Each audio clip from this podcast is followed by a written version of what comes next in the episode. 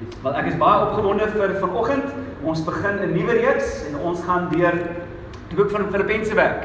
En ehm uh, ek het uh my vriend Rolf, se uh, hy groet my altyd en as hy groet dan sê hy laat dit juig.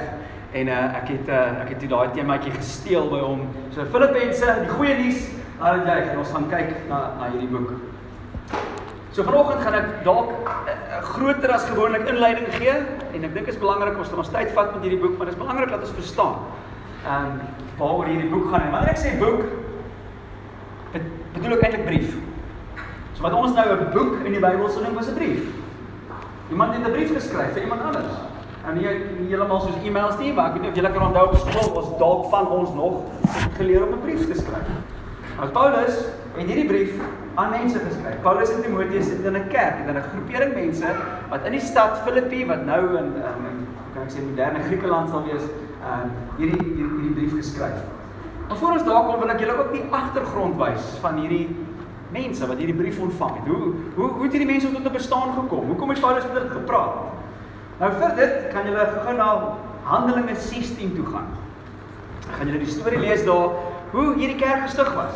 Ek dink wat nog ons cool is van hierdie as jy nie is aan die Bybel sal jy agterkom dat die Nuwe Testament ehm um, is hierdie storie wat vertel word ehm um, wat wat ek sê die voorbeweging van dat Jesus kom.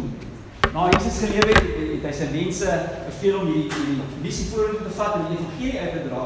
En ons sien die boek van Handelinge beskryf hierdie storie wat gebeur het, hoe hierdie mense gegaan het. So die storie werk so in die, in die Paulus het al so half kan ek sê een trip gehad wat hy kerke gaan plant het. En op sy tweede trip, is hy hulle is in 'n kerk, in 'n plaaslike kerk soos ons en die, en hy hy sê vir Barnabas, "Hey, kom ons gaan bemoedig die kerke wat ons daai tyd gaan plant en gaan stig." En hier gaan hulle, dit lyk my of hulle so vier van hulle was, Lukas, die ouer boek skryf, Lukas, uh, Barnabas, Paulus en Silas. Dit is nou hierdie missie. En hulle gaan hulle kom tot op tot op 'n punt, hulle gaan deur al die kerke nou in ou Turkye, dis half daai deel En hulle kom by 'n hawe stad en hulle weet nie meer waartoe nie want hulle kan nie meer vorentoe gaan nie. En in die aand het Paulus 'n visie. En hy sien hierdie man van Macedonië en roep hulle. Sê kom na ons toe, kom help ons. Ons tel nou die, die skrif op ons lees van Handelinge 16 vers 11. So setting sail from Troas, dit is waar hulle was, waar hulle die visie. We made a direct voyage to Samothrace and following and then and the following day to Neapolis, and from there to Philippi, which is the leading city of the district of Macedonia and a Roman colony. We remained, we remained in the city some days, and on the Sabbath day we went outside to the gate to the riverside, where we supposed there was a place of prayer, and we sat down and spoke to the women who had come together. One who heard us was a woman named Lydia from the city of Thyatira a seller of purple goods, who was a worshipper of God. The Lord opened her heart to pay attention to what was said by Paul, and after she was baptized, and her household as well, she urged us, saying, If you have judged me to be faithful to the Lord, come to my house and stay. And she prevailed on us. So 'n ongelooflike storie, hulle kom deur deur middel van 'n visie, gaan hulle en dit is basies die eerste kerk in Europa. Ek kan dit vir julle sê, hele geestelike geskiedenis kom van daai kerk af. Meeste van ons, ons voorvaders kom uit Europa. Dit was die heel eerste kerk in die vasteland van Europa. So iemand was gehoorsaam. Iemand het hierdie evangelie gevat oor die see gegaan en gaan preek. Wel, en hy begin by 'n vroue premie. En die eerste mens wat bekeer word is basies 'n high fashion girl. Sy sê daar sy het per, pers um purple goods, wat die idee is sy was in die die tekstiel industrie en en en pers was die of die deel of die klere van royalty. So sy was ek weet nie ek sal nou seker en daar is maar Gucci. Sweet. Sy lyk of sy is dit lyk of sy teen teen 'n weduwee was, want sy het 'n household gehad, maar sy is nie van Filippi af nie. Wat beteken sy het ander huise. So sy sy was die the devil wears Prada, daai tipe styl. Ryk besigheidsvrou. Hoor die evangelie en gee hart vir Jesus. En as dit sê household, bedoel dit nie noodwendig haar um haar haar kinders nie, dit sal teen wat dit beteken ook. Maar dit beteken haar daardie tyd was dit, kan ek sê, sy het in 'n villa gebly want later sien ons in, in die boek van Filippense, die kerk het daar bymekaar gekom. So dit was 'n groot huis. Het hierdie vier ouens gehuisves. So dit was nie net almal wat daar gewerk het. Hulle die ou tydse households, oikos is die Griekse woord, is gewoonlik hier tussen 10 en 15 mense. En hier kom hulle in Filippi en hulle eerste plek om te bly is hierdie sweet villa in Griekeland. En ek het net 'n koel koffie gekry. Maar soos dit aangaan nou is hulle in die stad besig en hulle begin die evangelie verkondig en die tweede persoon wat tot bekering kom as jy die storie gaan aanlees is 'n slawe meisie wat besete was. Die storie gaan ja, soos hulle in die markplek rondgestap het, het hierdie meisie hulle rondgevolg en as gevolg van 'n demoniese opressie geskree het, "Luister na hierdie mense." En eendag kom Paulus dit nie vat nie en hy dryf toe die demone uit. Maar wat hy nie geweet het nie, wel ek dink hy het dit in elk geval gedoen het is dat hierdie demoon in hierdie meisie het haar, hoe kan ek sê, haar eienaars baie geld gebring want deur hierdie hoe kan ek sê, geestelike krag kon sy vir mense goeie sê. So hulle klomp geld gemaak. En wie het gebeur toe hulle verloor hulle besigheid. En die ouens raak toe kwaad want as mense hulle geld verloor raak hulle kwaad. En hulle sluit vir Paulus en Silas op. En daai aand sing hulle in tronk. Ewe skielik kom daar 'n aardbewing en die tronk ruk oop en die en die wag, een van die wagte, 'n Romeinse ehm um, tronkbewaarder wat as mens nog gaan lees is is 'n mansman. Blue collar harre. Hy hy's gewoond om ouens so 'n bietjie te martel. I, I like it. Dis sy job. En hy is so trots op sy werk toe hy hoor dat die ouens toe wil hy homself doodmaak en Paulus sê, "Wow, wow, wow, ons is hierso." En obviously van wat hy gehoor het Paulus het gepraat, hy vra toe vir hulle Paulus, julle, wat moet ek doen om gered te word? En Paulus sê vir hom glo in die Here Jesus. En en jy jou sonde sal vergewe word. Dis die, die storie gaan verder dat hy hulle toe na hulle huis toe vat, sy hele huis hoor die evangelie, hulle word gered en daar het jy die kerk. 'n High society vrou, slawe girl en 'n harde blue collar man. En hulle is ouers. En hier is die eerste kerk in Europa. Nou na hulle daai tronk uitgekom het, het ehm um, hulle aanbeweeg en hulle los toe vir Lukas agter as jy die storie van Handelinge volg, is word Lukas agtergelaat om hierdie kerk te lei en te te vestig. En ek wil op dit sê, die einde wat ons sou optel in die Nuwe Testament is dat hierdie kerk, die kerk van Filippi, een van die modelkerke was in die Nuwe Testament. Die rede hoekom ek dit sê, as jy Paulus se briewe gaan volg, baie keer praat hy van hy, hy sal sy brief begin met apostle Paul of Paul an apostle called by God. Dit's amper asof hy die autoriteitkaart uithaal want hy moet 'n paar goed regstel. Maar in hierdie brief doen hy dit nie. Ons stel nie een rebuke in hierdie brief op nie. Hy hy hy stel hy, hy moedig hulle aan. Daar is 'n paar goedjies wat krap en jy sal sien hoe hy dit aanmoedig. Maar jy jy sien 'n ongelooflike brief van vriendskap tussen hierdie mense. En 'n ander ding wat ek hoekom ek sal sê hoekom hierdie 'n model kerk was bietjie later in Paulus ek, ek, ek is dan nie presies seker die timeline nie. Ek dink is na hierdie, wel dit moet wees obviously. Is Paulus besig uh, met werk en hy's in die hy's hy skryf in die stad in Korinte en hy's besig om geld in te samel vir 'n hongersnood in Jerusalem en hy sê vir hulle luister ouens. Julle rol in dit en julle julle het swaar 'n bietjie agter geraak met hierdie diens wat ons het met met hierdie finansiële gee wat ons het vir hierdie taak. En hy gebruik hierdie kerk. Hoor wat hy sê. Hy, hy gebruik die kerk in Filippi en die kerk daar as 'n voorbeeld. Hy sê, "We want you to know, brothers, about the grace of God that has been given among the churches of Macedonia. For in a severe test of affliction, their abundance of joy and their extreme poverty have overflown in a wealth of generosity on their part. For they gave according to their means." as I can testify, and beyond their means of their own accord, begging us earnestly for the favor of taking part in the relief of the saints. Nou, ek het lanklaas mense gehoor, ek wil net bydra. Paulus sê hierdie kerk, ons het nie eens vir hulle gesê nie. Toe hulle hoor van wat gebeur, sê hulle hier is ons, ons paar. And this not as we expected, but they gave themselves first to the Lord and then to the will of God. Right. So dis die kerk waarin Paulus skryf. Nou kom ons kyk so 'n bietjie na die brief.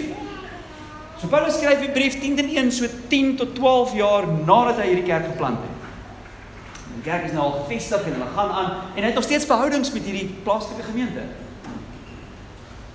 En die storie gaan so op die stadium van wat hy skryf is hy alweer in die tronk. Dis Paulus lyk like my dit is half as iemand vra waar is hy is dit 'n lekker antwoord gewoonlik om dit raak te kry vir 'n tip gee. Hy's alweer in die tronk hierdie keer in in Rome. En ehm um, die die die ouens hoor, die Filippeëns hoor hy's in die tronk. Toe stuur hulle ou met die naam Epaphroditus. Nie van julle sang, dit is 'n cool naam vir hulle. Epaphroditus.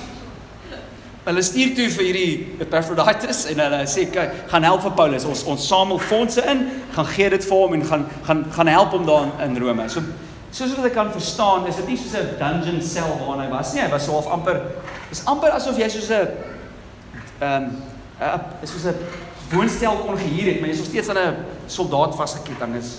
Anyways, maar hy het geld gehad, hy het gewone tente gemaak, maar hierdie keer het hy nie geld gehad nie, so Epaphroditus gaan help hom finansiëel en help hom in sy bediening daar. So nou met hierdie hoor hy natuurlik hoe gaan dit met hierdie mense in in Filippi en hy wil vir hulle dankie sê vir hierdie gift en hy wil hy stuur vir Epaphroditus terug met hierdie brief aan hulle. As jy hierdie brief lees, wil ek net vir julle drie goeders wys wat hy wat mens agterkom hy swaalf as jy nou as jy nou daaraan dink. Imagine Pieter gaan plant 'n kerk in Afghanistan. Nee. En uh een van sy mense kom kuier. En hy begin vir ons stel, "Ja, sien jy, die kerk gaan goed. Daar's net daar's 'n bietjie. Daai mense beklei so 'n bietjie onder mekaar." En dit is presies wat hier gebeur het. Hy hy hy hoor by Epaphroditus van wat daar aangaan en en en een van die goedes wat hy doen is hy hy wil probeer bietjie hy probeer eenheid herstel.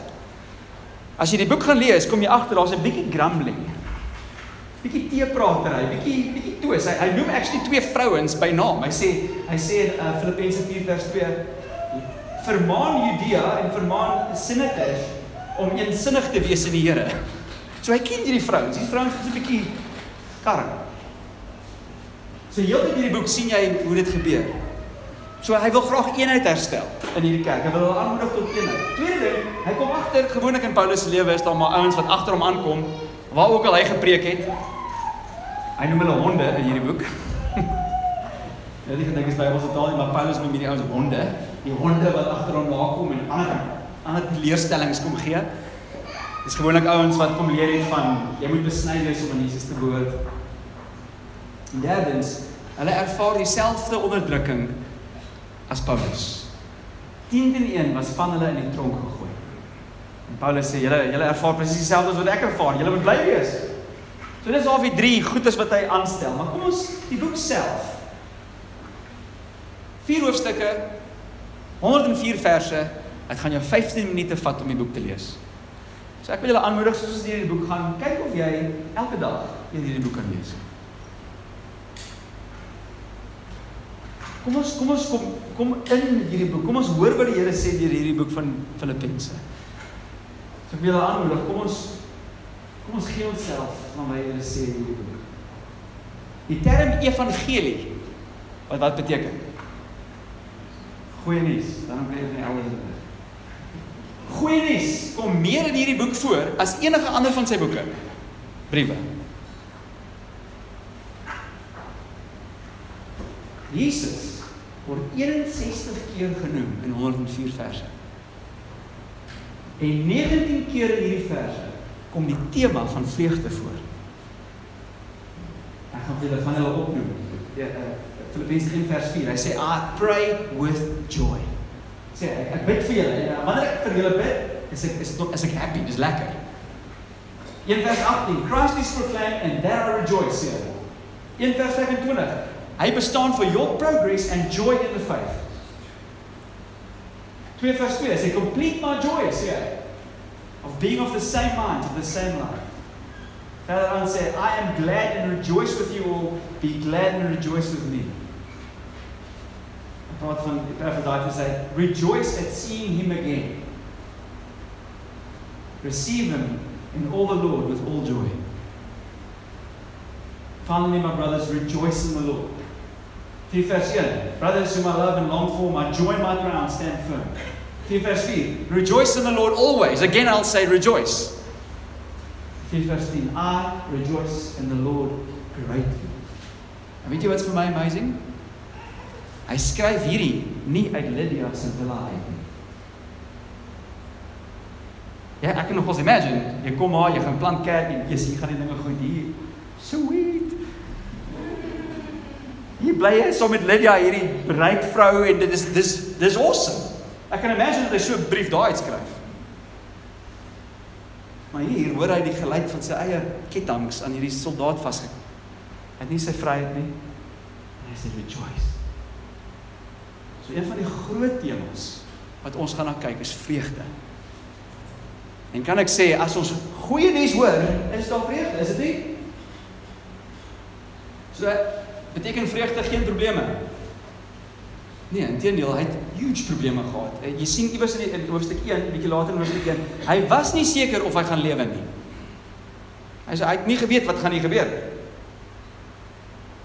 Tog sê hy tog is die hele boek vol vreugde. So die idee is daar's 'n vreugde groter as jou probleme. So jou vreugde hang nie af van jou probleme nie. En een van die groot redes hier is vriende, hy ken goeie nuus. Hoeveel van julle is die eerste ding as jy hoe opgaan as jy met nuus doen voor artikel te doen is? Dis nie goeie nuus nie. Ek sê nie ons moet ons kop in die sand indruk nie. Maar as jy meer slegte nuus lees as goeie nuus, hoe verwag jy jy gaan suur wees?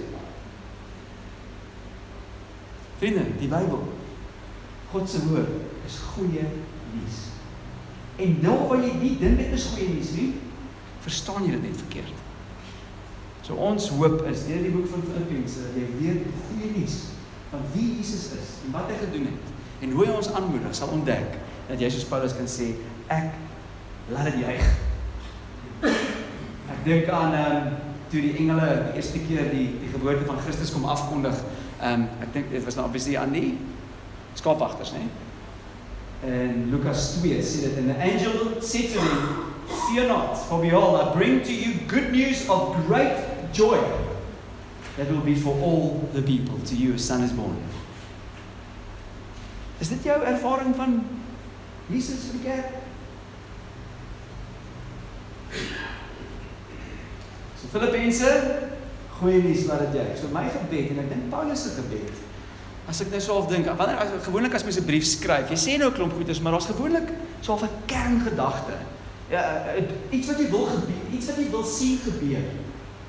En daar's daar's 'n vers in Filippense 1 vers 25 wat ek wil hê moet ons gebed wees soos ons deur hierdie reeks gaan. En dit is my gebed elke oggend vir ons, vir julle. Hy sê daar hy, hy praat van hoe hy hy sien seker of hy die tronk uit gaan kom nie, maar toe dink hy wag ek hy, hy sal teen nie en dan uitkom. En dan sê hy Alles wat ek gaan doen, of alles wat ek doen na julle toe. Hierdie brief, ek stuur vir Timoteus, ek stuur vir Epaphroditus. Ek gaan eendag julle kom besoek en hy sê dit is for your progress and joy in the faith. Vorder jy in vreugde? Want ons is veronderstel om hoe meer ons Jesus leer ken, jy is veronderstel om meer vreugde te hê. So as ons dit nie doen nie, doen ons dit verkeerd. Heiligheid. Dis veronderstel om meer vreugde, maar gewoonlik as ons dink aan heilig, dink jy aan 'n suurbrein. Jy doen dit verkeerd. So ons gaan vandag kyk in die eerste twee verse, ek het nou massive inleiding gegee. So ons gaan kyk na die eerste twee verse wat ons wil opsit. Paul and Timothy, servants of Christ Jesus, to all the saints in Christ Jesus who are at Philippi, with the overseers and deacons, grace to you and peace from God our Father and the Lord Jesus Christ. Kom ons bid. Here, dankie vir u woord. Here, en ons wil ons vertrou u Here vir hierdie vir die reeks wat voor lê. Vader, mag ons opnuut die goeie nuus van Jesus hoor. Mag ons opnuut ons lewens gee vir U Jesus. Dat ons kan vordering maak in ons geloof en in vrede. Dat ons sal sê soos Paulus om te lewe is Christus. En om dood te gaan is eintlik beter. Ons wil dit in Jesus se naam. Amen. So ek dink nou soos 'n normale brief is hierdie maar nou kan ek sê dit is 'n Liewe Janie. Soos ons nou geleer, gewoonlik met 'n brief is daar 'n normale manier wat jy begin en dis maar hoe hulle begin het, maar omdat in die Bybel is, is hierdie God se woord. So ek glo uit hierdie twee verse leer ons die fondasies van vreugde. En ek wil drie goedes na op na julle aandag toe bring om vir julle te kyk wat Paulus hier sê en hoe ons kan vordering maak in vreugde. Die eerste ding is dit, is om onsself te sien as diensknegte. Dit gaan oor ons identiteit. Hy sê daar hy stel homself voor, hy en Timoteus wat definitief 'n tipe van gesag onder hierdie mense het, nie 'n afgedwingde gesag nie, maar uit vriendskap uit. Maar hy stel hom voor as 'n dienskneg of 'n servant. Die die woord servant is 'n klein bietjie 'n bond servant of slaaf is teen een 'n beter idee. Maar nou slaaf met ons het 'n baie negatiewe en dit is negatief. Maar in daardie tyd was dit was dit om in 'n huishouding aan aan 'n meester te behoort. Paulus sê ek behoort aan Jesus. En ek lewe vir sy belange, soos 'n diensknegt sou gelewe het. Jou lewe was om die meester te dien. Nou Paulus was nie altyd 'n diensknegt nie. Paulus self het op 'n punt gekom hy het, hy het aanvanklik die kerk met die beweging van Jesus en sy mense vervolg. Hy het hulle in die tronk gegooi. Hy was kwaad vir hulle. En hy het gedink hy het gedink hy doen God 'n guns. En op 'n stadium ontmoet hy hierdie ontmoet hy vir Jesus, hy het ervaring met hom en hy besef, "Wow. Dit is die Messias, die of die die seun van God wat gesterf het vir die sondes van die wêreld." En hy begin vir Jesus dien. Hy sê op 'n stadium van aan die aan die Korintiërs in 'n ander brief verduidelik hy dit van hulle. Hy sê 1 Korintiërs 6 vers 19, "Or do you not know that your body is a temple of the Holy Spirit within you, whom you have from God? You are not your own." Sal ek daai weer sê? You are not your own. You were bought with a price. So glorify God in your bodies. Dit is kontra tot die wêreld se idee van vryheid en vreugde. Die wêreld se idee van vryheid en vreugde is ek is my eie mens en ek reël my sake. Ons ons smag vir autonomiteit. As dink reg terug in die in die tuin van Eden. Jy sal soos God wees. Jy kan besluit. Jy kan besluit wat goed en reg is. Die Bybel sê nee nee. Toe jy gered was, het God jou gekoop van 'n bose slawemeester af. Hy het die losprys betaal met sy lewe. Nou sit hy. Nou, ek het vir vertel van Bob Dylan. Sy liedjie, You've got to serve somebody. Het julle daai liedjie gehoor? OK. Sal julle nog leer om na musiek te luister? You've got to serve somebody. It's either the devil or it's the Lord, but you've got to serve somebody. Sien die idee dat jy jouself behoort is 'n leer.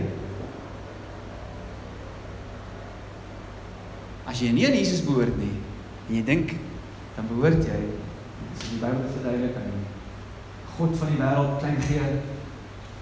Jy kan dink jy lewe vir jouself, maar behind it jy eintlik net vir iets anders. En agter dit so. You've got to serve somebody. So die idee is dat jy jouself dien wel jy's in charge, dis nie regtig waar nie. Niemand is die kaptein van hulle eie destiny nie. Kan ek gou dit vir julle sê? Ek's baie lief vir ons oud president, maar dis nie waar nie. Captain of my destiny. Nee. Die eerste plek om te sien 'n uh, pad na vreugde toe, sien jou vir wat jy is. Jy het 'n meester. Jy word besit deur die koning van konings. Ons sien gewoonlik is daar nie goeie nuus vir ons nie. Want die idee dat iemand anders wil het oor ons lewe is nie goed nie. Want jy dink hulle weet. Ons sien hier is 'n bietjie anders en 'n baie anders. Jy moet jou lewe besit.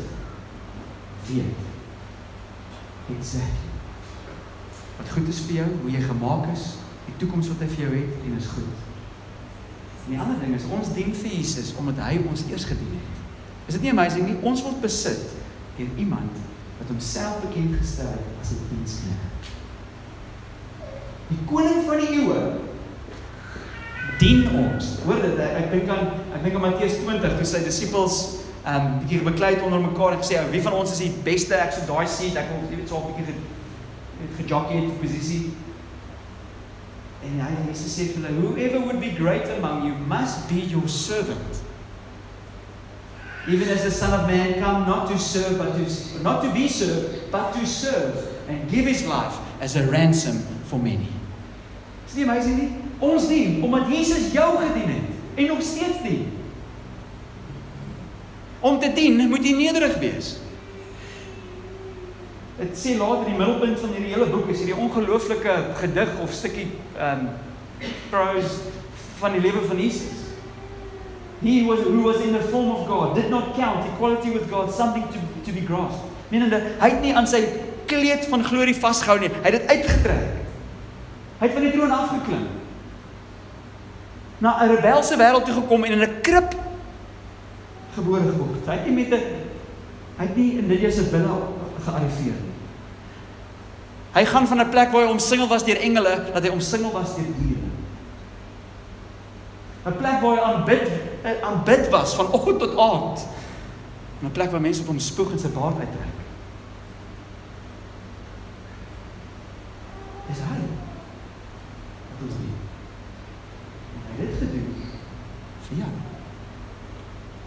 Vir jou wat weggeloop het van hom omdat sy autoriteit oor jou we weggedruk het. Hy sê ek sal my sake reël, dankie. Barry White, I'll do it my way. Hy sê ek sal vir hom betaal. En weet jy wat se amazing? Wanneer jy gehoorsaam is aan Jesus, wanneer jy hom dien, hoor gou wat sê hy vir sy vir sy disippels daar in Johannes 15. Hy sê, ehm um, vers 15 vers 10 sê, "If you keep my commandments." So 'n meester het beveel, hy hy het 'n wil, hy het 'n opinie. Ons moet verby dit kom nou te free for all. Nee, Jesus is koning. Maar hoor gou wat sê hy van sy beveel, van van wat hy sê. Hy sê, "If you keep my commandments, you will abide in my love." Just as I have kept my Father's commandments and abided his love.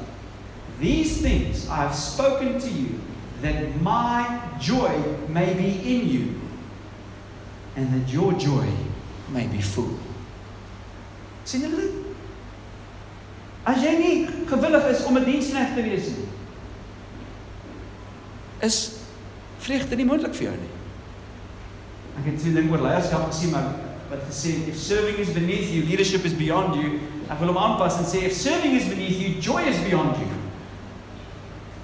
If serving is beneath you, joy is beyond you. Paulus in uh, in Timoteus stel hulle self soort van diensknegte van Jesus. Maar ons behoort aan hom, ons lewe om sy belange uit te uit te oefen. En it's amazing, sy belange gaan oor ander mense. Huh? Hulle dien hierdie mense. Hierdie gelowiges vir Lydia en haar huis, vir hierdie slawe girl. Vir, vir vir die tronkbewaarder en al die ander wat gered was en deel was van hierdie kerk daar in Griekeland. Sê, ek dien julle. Maar my diens is eintlik aan Jesus. So die eerste ding is sien jouself as 'n diensknegt. Die tweede ding van 'n fondasie vir vreugde. Is hoe dink jy sien God jou? As ek daai vraag moet vra en jy moet nou in jou kop antwoord. Dink aan een woord wat sal beskryf wat God van jou dink. Eh, so 'n woord wat soos 'n 'n identiteitsbeskrywing sal wees. Wat sal dit wees? Wat dink God nou van jou? Wat wat is die uitspraak oor jou lewe? Wat 'n titel gee jy? Wat 'n identiteit sal hy nou gee as as hy nou aan jou dink? Nadat jy vanoggend op jou kinders geskree het. Hond geskop het. Wat sal hy word? Nou baie keer vir my is daai woord sondaar. Maar dis nie die Bybel sê nie. Jy weet sê die Bybel? Heilige. Een woord wat jou beskryf as God aan jou dink is dit heilige. Nou. Jy glo van wat jy gedoen het, dit is jou identiteit. Dis hoe God jou sien as 'n heilige, 'n saint, is die Engelse woord. Nou, dis nie soos die Rooms-Katolieke nou. Ek weet nie van julle of julle baie al kontak gehad het met die Rooms-Katolieke geloof nie. Maar wat ons uit Jo- Johannesburg uitkom en heelwat in Europa gewerk het, nie ek self nie, maar die die leiers. Katolieke het hierdie idee van 'n saint. Dis al dis 'n dis 'n titel wat jy sou half kry nadat jy klomp goed reg gekry het in jou lewe. Dis weet jy jy moet dood wees. So ons almal is gediskwalifiseer en jy moet wonderwerke gedoen wees en mense moet een of ander jy moet jy moet jou herdenk en dan word jy gee die pout vir jou jy jy's nou 'n saint. Ek weet nie presies wat jy nou doen met daai titel nou nou dat jy het nie maar Maar dit is glad nie hoe die Bybel dit sien nie. In die Nuwe Testament is daar 300 verwysings na sondaars. En net 3 is moontlik vir Christene bedoel en al drie debatteer die die die scholars. 200 keer in die Nuwe Testament word daar aan kerke en Christene die titel gegee heilig saint. Nou jy mag so aan. Cool maar. Hoe verander dit my lewe? Ag, oh, kom ons kyk wat daai woord beteken. Wat net ek gou-gou dit sê. Almal sê ek wil terugkom by die Nuwe Testament kerk en ons wil. Maar het jy al Handelinge gelees? Het jy al Paulus se briewe gelees aan hierdie kerke? Daar was nes aan kerke gewees. Ek dink in die boek van Korintiërs, hè, ons het dronk geraak by nagmaal. Die een dude slaap met sy pa se nuwe vrou en dink, "Sweet, Grace doen dit al." Nuwe Testament kerk. En hy sê vir hulle, "Saints, Julle vang obviously nie wat ek hier probeer sê nie. Die woord saint of heilig beteken jy is op sy gesit om aan God te behoort. Vir God, jy's eksklusief vir God bedoel. Jy is na 'n hoër roeping toe geroep. Dit is soos ek gaan nie heeltemal sin maak nie. En dit gaan dalk die ding afbreek, maar my tandeborsel is heilig. Dis myne. Dis nie Buddy se nie. Dis nie Janu se nie en dis nie Lise se nie. Dis vir my gebruik. Nou ek sê julle staan word, maar ek hoop julle kry die idee. Wanneer jy heilig is, is dit jy is op sy gesit om aan God te behoort. Jy is God se treasured possession sê die Ou Testament. Jy is heilig vir God. Hy is jaloers oor jou. Op sy gesit vir sy doeleindes, vir sy glorie, vir sy vreugde. En wanneer ons vir sy vreugde en glorie lewe, is dit onsin. Maar dit beteken ook natuurlik ons raak soos God en ons en ons en ons lewe 'n gelewe wat gepas is as hierdie nuwe identiteit van ons. Die oomblik en wat amazing is, hy sê saints in Christ Jesus. So dit is wat jy verkwalifiseer as 'n heilige. Is Jesus. So ek gaan gou 'n paar goeie sê oor julle en ek hoop en ek ek vertrou regtig dat hierdie impak sal maak. Sonde mag sommige van jou gedrag beskryf. Maar dit determineer nie jou identiteit in Jesus nie. Jy mag soms sondig, maar jy is heeltyd 'n heilige.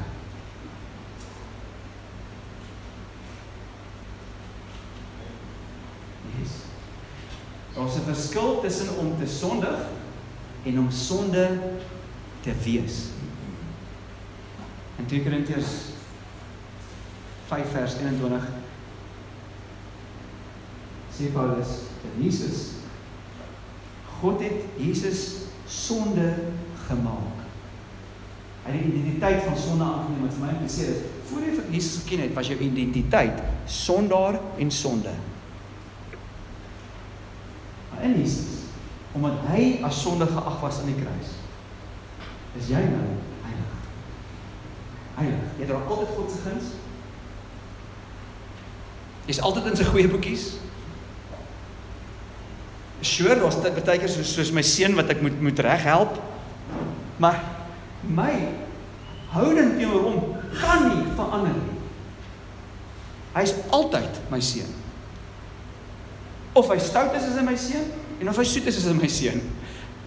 En my houding teenoor hom kan verander.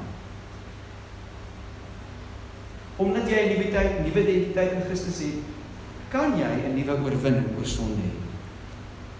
Ons oorwin nie sonde om te probeer om nie te sondig nie. Ons oorwin sonde om agter te kom ek's heilige.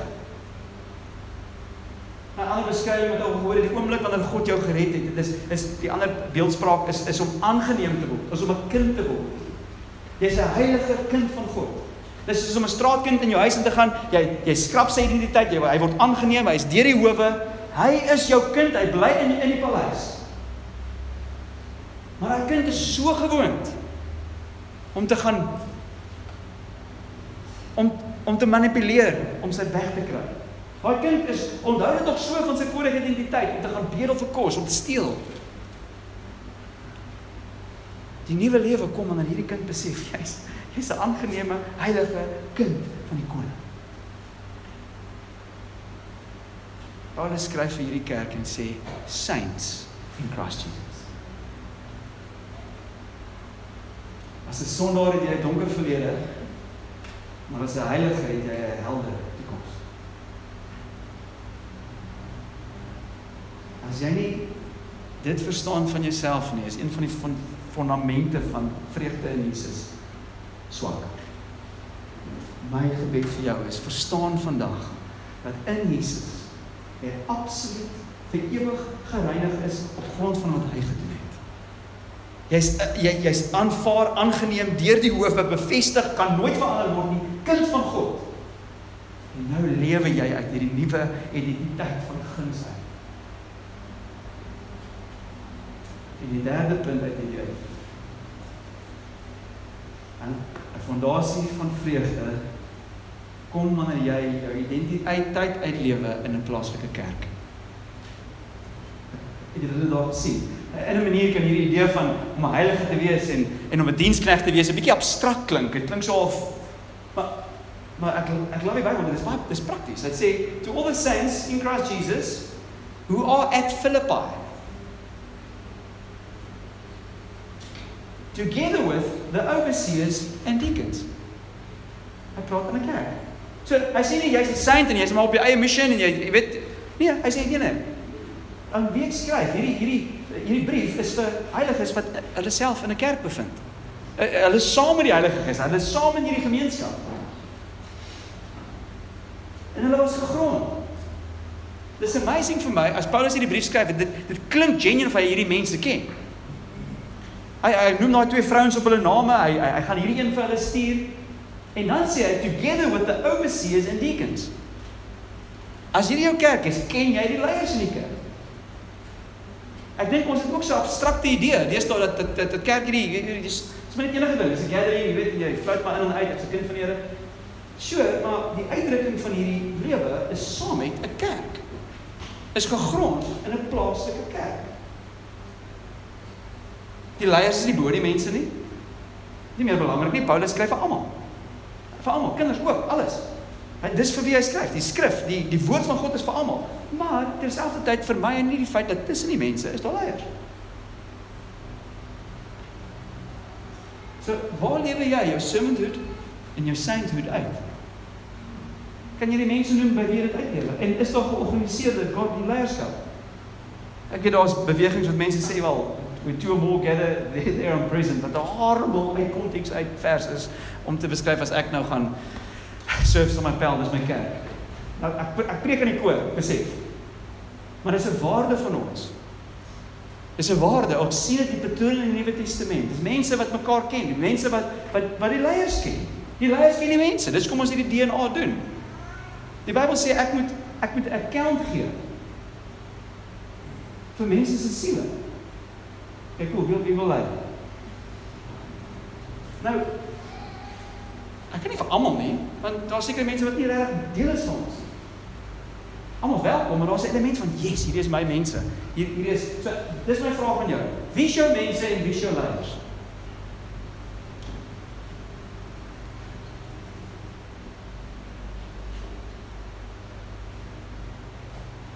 Hy uh, hierdie quote gehoor. To dwell above with the saints we love. Oh, that will be glory. But to dwell below with the saints we know, that's a different story. Is dit nie? Ek kan jou guarantee as jy al 'n rukkie Christen was en in kerke was, Was jy al geafronteer? Was jy al seer gemaak en was jy al teleurgestel? Kyk moenie hande opsteek. Maar geestelikheid kom wanneer jy kan vergewe en dit uitwerk. Nou ek sien dit met Janu en Lise, my goodness, ek weet nie of julle partykeer as ek seisoene het waar dit voel soos almal hoor. Hulle wait vir mekaar. Maar hulle werk dit uit en dit is nog steeds saam, maar hulle het nie regtig 'n ander opsie nie.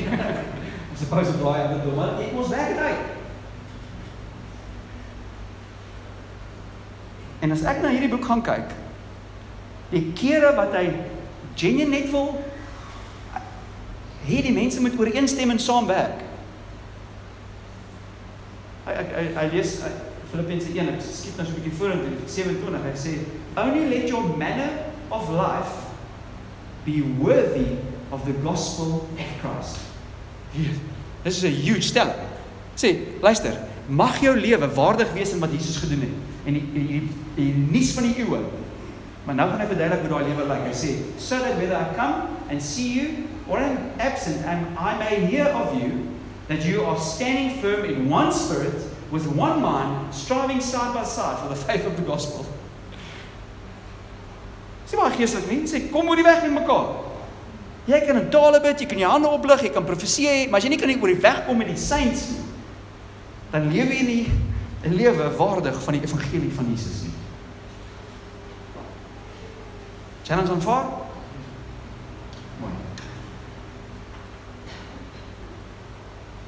Grondslag vir ons vreugde is om agter te kom jy's 'n servant. So we doen ons prakties. Okay, hier kom 'n hier kom 'n baie profound stelling. So begin dien. Nou gaan. Begin dien, begin begin iets doen. En wat vir my amazing is, dit is die konteks van kerkies wel. Nou obviously in huwelike. Hoekom krimmel huwelike waar ons kan nie met mekaar dien nie. Maar Paulus het so 'n bietjie verder gegaan as jy in jou huis vir Jesus. Nee, jy in jou kerk vir Jesus. En begin dien in die kerk. Begin dien. Tel jou lewe is daar enige diens uit jou lewe vir iemand anders in die plaaslike kerk. As daar nie is nie, dink ek jou sponsor van vreugde is sy. Begin dien. Word betrokke, wees in 'n huisgroep. Mense maak kos, mense bak hulle huise oop. Begin in die koffiespan. Dis nogals 'n cool job om te doen. Ek weet nie, doen iets, begin met die kinders, begin net lewe saam met mense. Want sodra jy saam met mense lewe, gaan jy agterkom of jy word gedien of jy dien.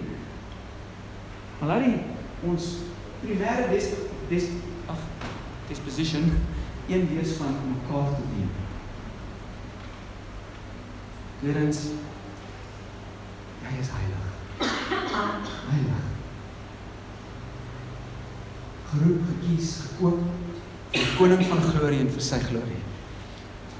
Lewe uit daai identiteit uit. Kom ons verheug onsself in die feit dat ons vir ewig in God se goeie boekies is. Ons is heilig. En derdens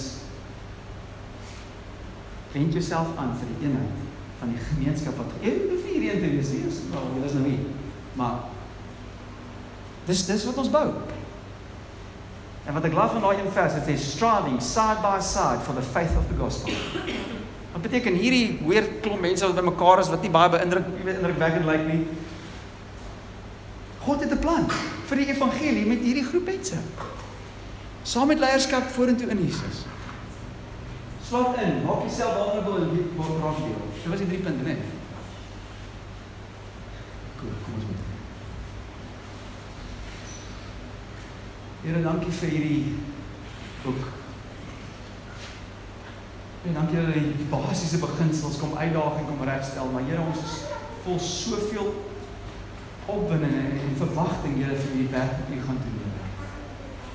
Here, dat ons so vol vreugde kan wees soos ons net vir U lewe. Dankie en ons vra Here, mag daar mag U genadig met ons wees met soos ons in hierdie boek gaan, Here. Mag U dit wat ons moet praat Sondag, Vader, mag U dit uitwerk in U groepe en mag daar vrug wees in die week of soos soos U hierdie kerk vestig. U is awesome, ons is lief vir U. Baie dankie vir die goedheid. Amen. Great julle, daar word nou koffie gemaak. En as jy enigstens nie hier is, gaan iemand vir jou koffie bring. Okay, so as jy agterkom iemand is nie hierso, gaan haal 'n koffie en first come first serve ongelukkig tipe ding, maar hulle sê hulle kan dit doen. So geniet die koffie. sien julle in die week. Cheers.